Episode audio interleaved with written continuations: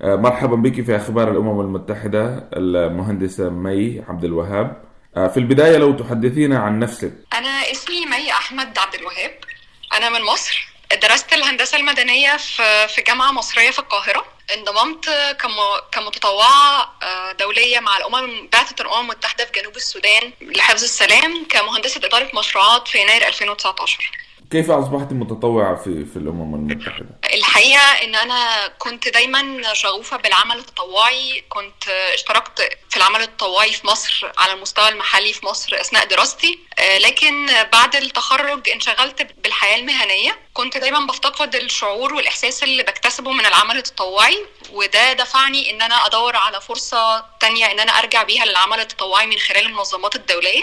وقتها بدأت أقدم في ال website للأمم المتحدة للعمل للعمل التطوعي. ولما جات لي الفرصة إن أنا أخدم في جنوب السودان اللي خلاني أقدر آخد القرار أسرتي شجعتني إن أنا أقدر آخد القرار بالأخص والدي الله يرحمه. موضوع التطوع بيتم من خلال تقديم عبر موقع معين لكل الذين يرغبون في التطوع.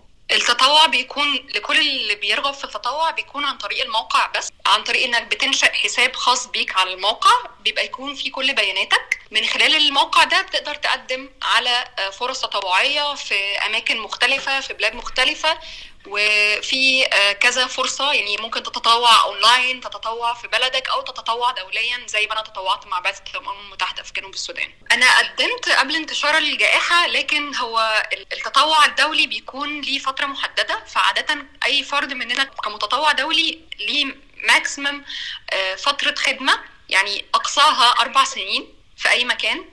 فبالتالي أي متطوع دولي بيخلص خدمته بيكون في مكان متاح لمت...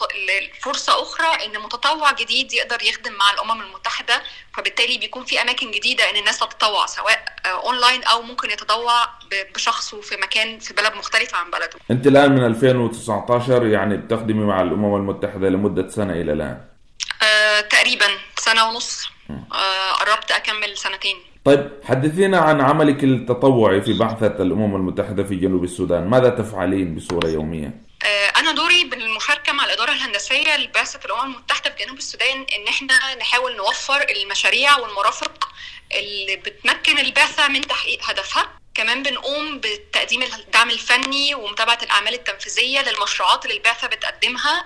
هي مشروعات سريعة التأثير بنقدمها للمجتمع وأهل البلد في جنوب السودان. أنت ذكرتي أنه هذه أول مرة تعملين فيها متطوعة مع الأمم المتحدة وعملتي أيضا في مصر. لكن كان ذلك على المستوى الوطني.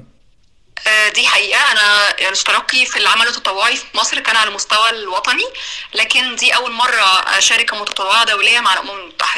طيب كيف يبدو إحساسك وأنت تخدمين متطوعة مع مع الأمم المتحدة في بلد خارج مصر؟ الحقيقة أنا سعيدة إن جات لي الفرصة إني أخدم مع الأمم المتحدة في جنوب السودان لأنها ساعدتني إن أنقل خبرتي العملية في صورة عمل تطوعي. ووجودي في جنوب السودان خلاني أكتسب خبرات جديدة لاختلاف ظروف وطبيعة مكان العمل. حدثينا عن انخراطك اليومي مع المواطنين المحليين في جنوب السودان.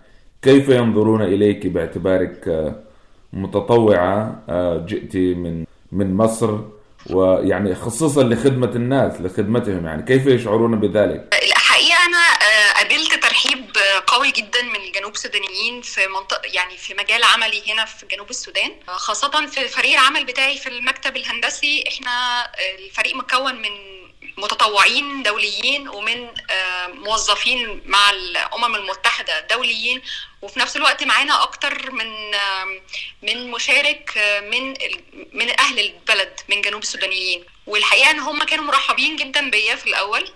طبعا كوني بنت صغيرة في السن كان شوية في صعوبة في إن هم يعني تقبل المعلومات وتقبل الفكرة لكن لما تعاملنا مع بعض ببساطة وكوني جاية من مصر كانوا ابتدوا خلاص يتعودوا إنه على وجودي وابتدوا يقدروا الفكرة اللي أنا جاية فيها بسببها خاصة لما بكون بتعامل معاهم بإخلاص وإنهم اتأكدوا إن أنا جاية غرضي الأول والأخير هو مساعدتهم وإن أنا انقل كمان مشاركتي ونقل خبرتي ليهم ده شيء بيشجعهم جدا وبيخليهم متعاونين جدا معايا.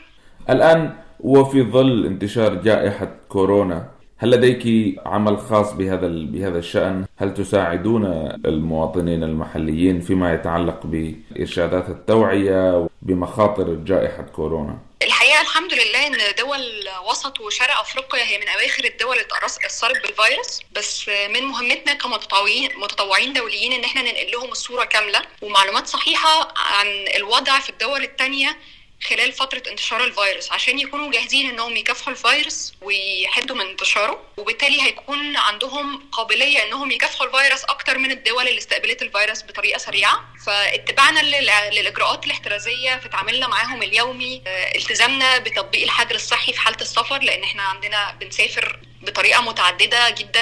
ال international volunteers المتطوعين الدوليين بيروحوا بلدهم وبيرجعوا تاني ب frequency وتردد عالي جدا. التزامنا بالاجراءات الاحترازية في تعاملنا معاهم ونقلنا ليهم المعلومات وإن إحنا نعتمد عليهم في إنهم ينقلوا المعلومات دي لأسرهم والبيئة المحيطة بيهم في مكان سكنهم ده ساعد إن هم يبقوا عندهم وعي بالفيروس من قبل ما يكون في مشاكل قوية في في البلد.